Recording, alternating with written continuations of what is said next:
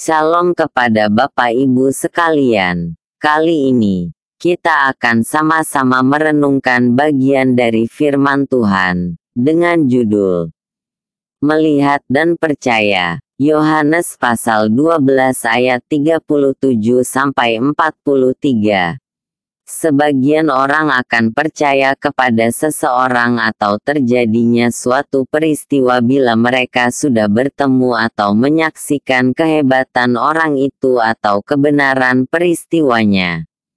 Demikian yang terjadi dengan mukjizat yang Tuhan Yesus adakan. Karena melihat mukjizat, beberapa orang percaya kepadanya. Namun, meski sudah banyak melihat, beberapa orang lainnya tetap tidak mau percaya, bahkan menolak keberadaan Yesus 37. Ada juga yang sekalipun percaya, namun takut dikucilkan oleh komunitasnya atau tidak lagi diterima dan dihormati sehingga memilih untuk diam dan menyembunyikan sikap percayanya itu. 42, 43 Inilah sikap orang-orang yang ada di Yerusalem saat itu. Berulang kali Yesus mengundang mereka untuk percaya kepadanya. Bahkan, di hari-hari terakhirnya ia masih mengingatkan agar orang-orang yang sudah melihat mukjizat dan mendengarkan pengajarannya mau percaya.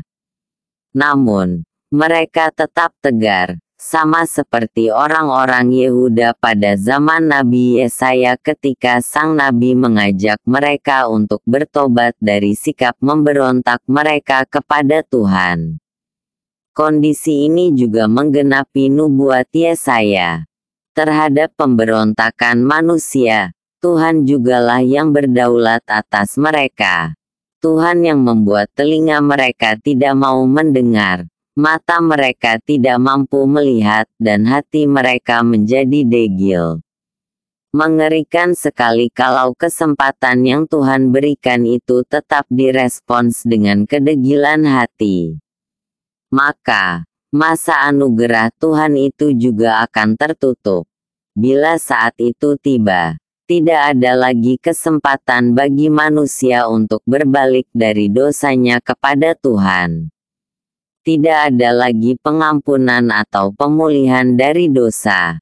Kita sendiri tentu telah melihat dan terus-menerus merasakan kebaikan dan kasih Tuhan, serta perbuatan-perbuatannya yang ajaib dalam hidup kita setiap hari.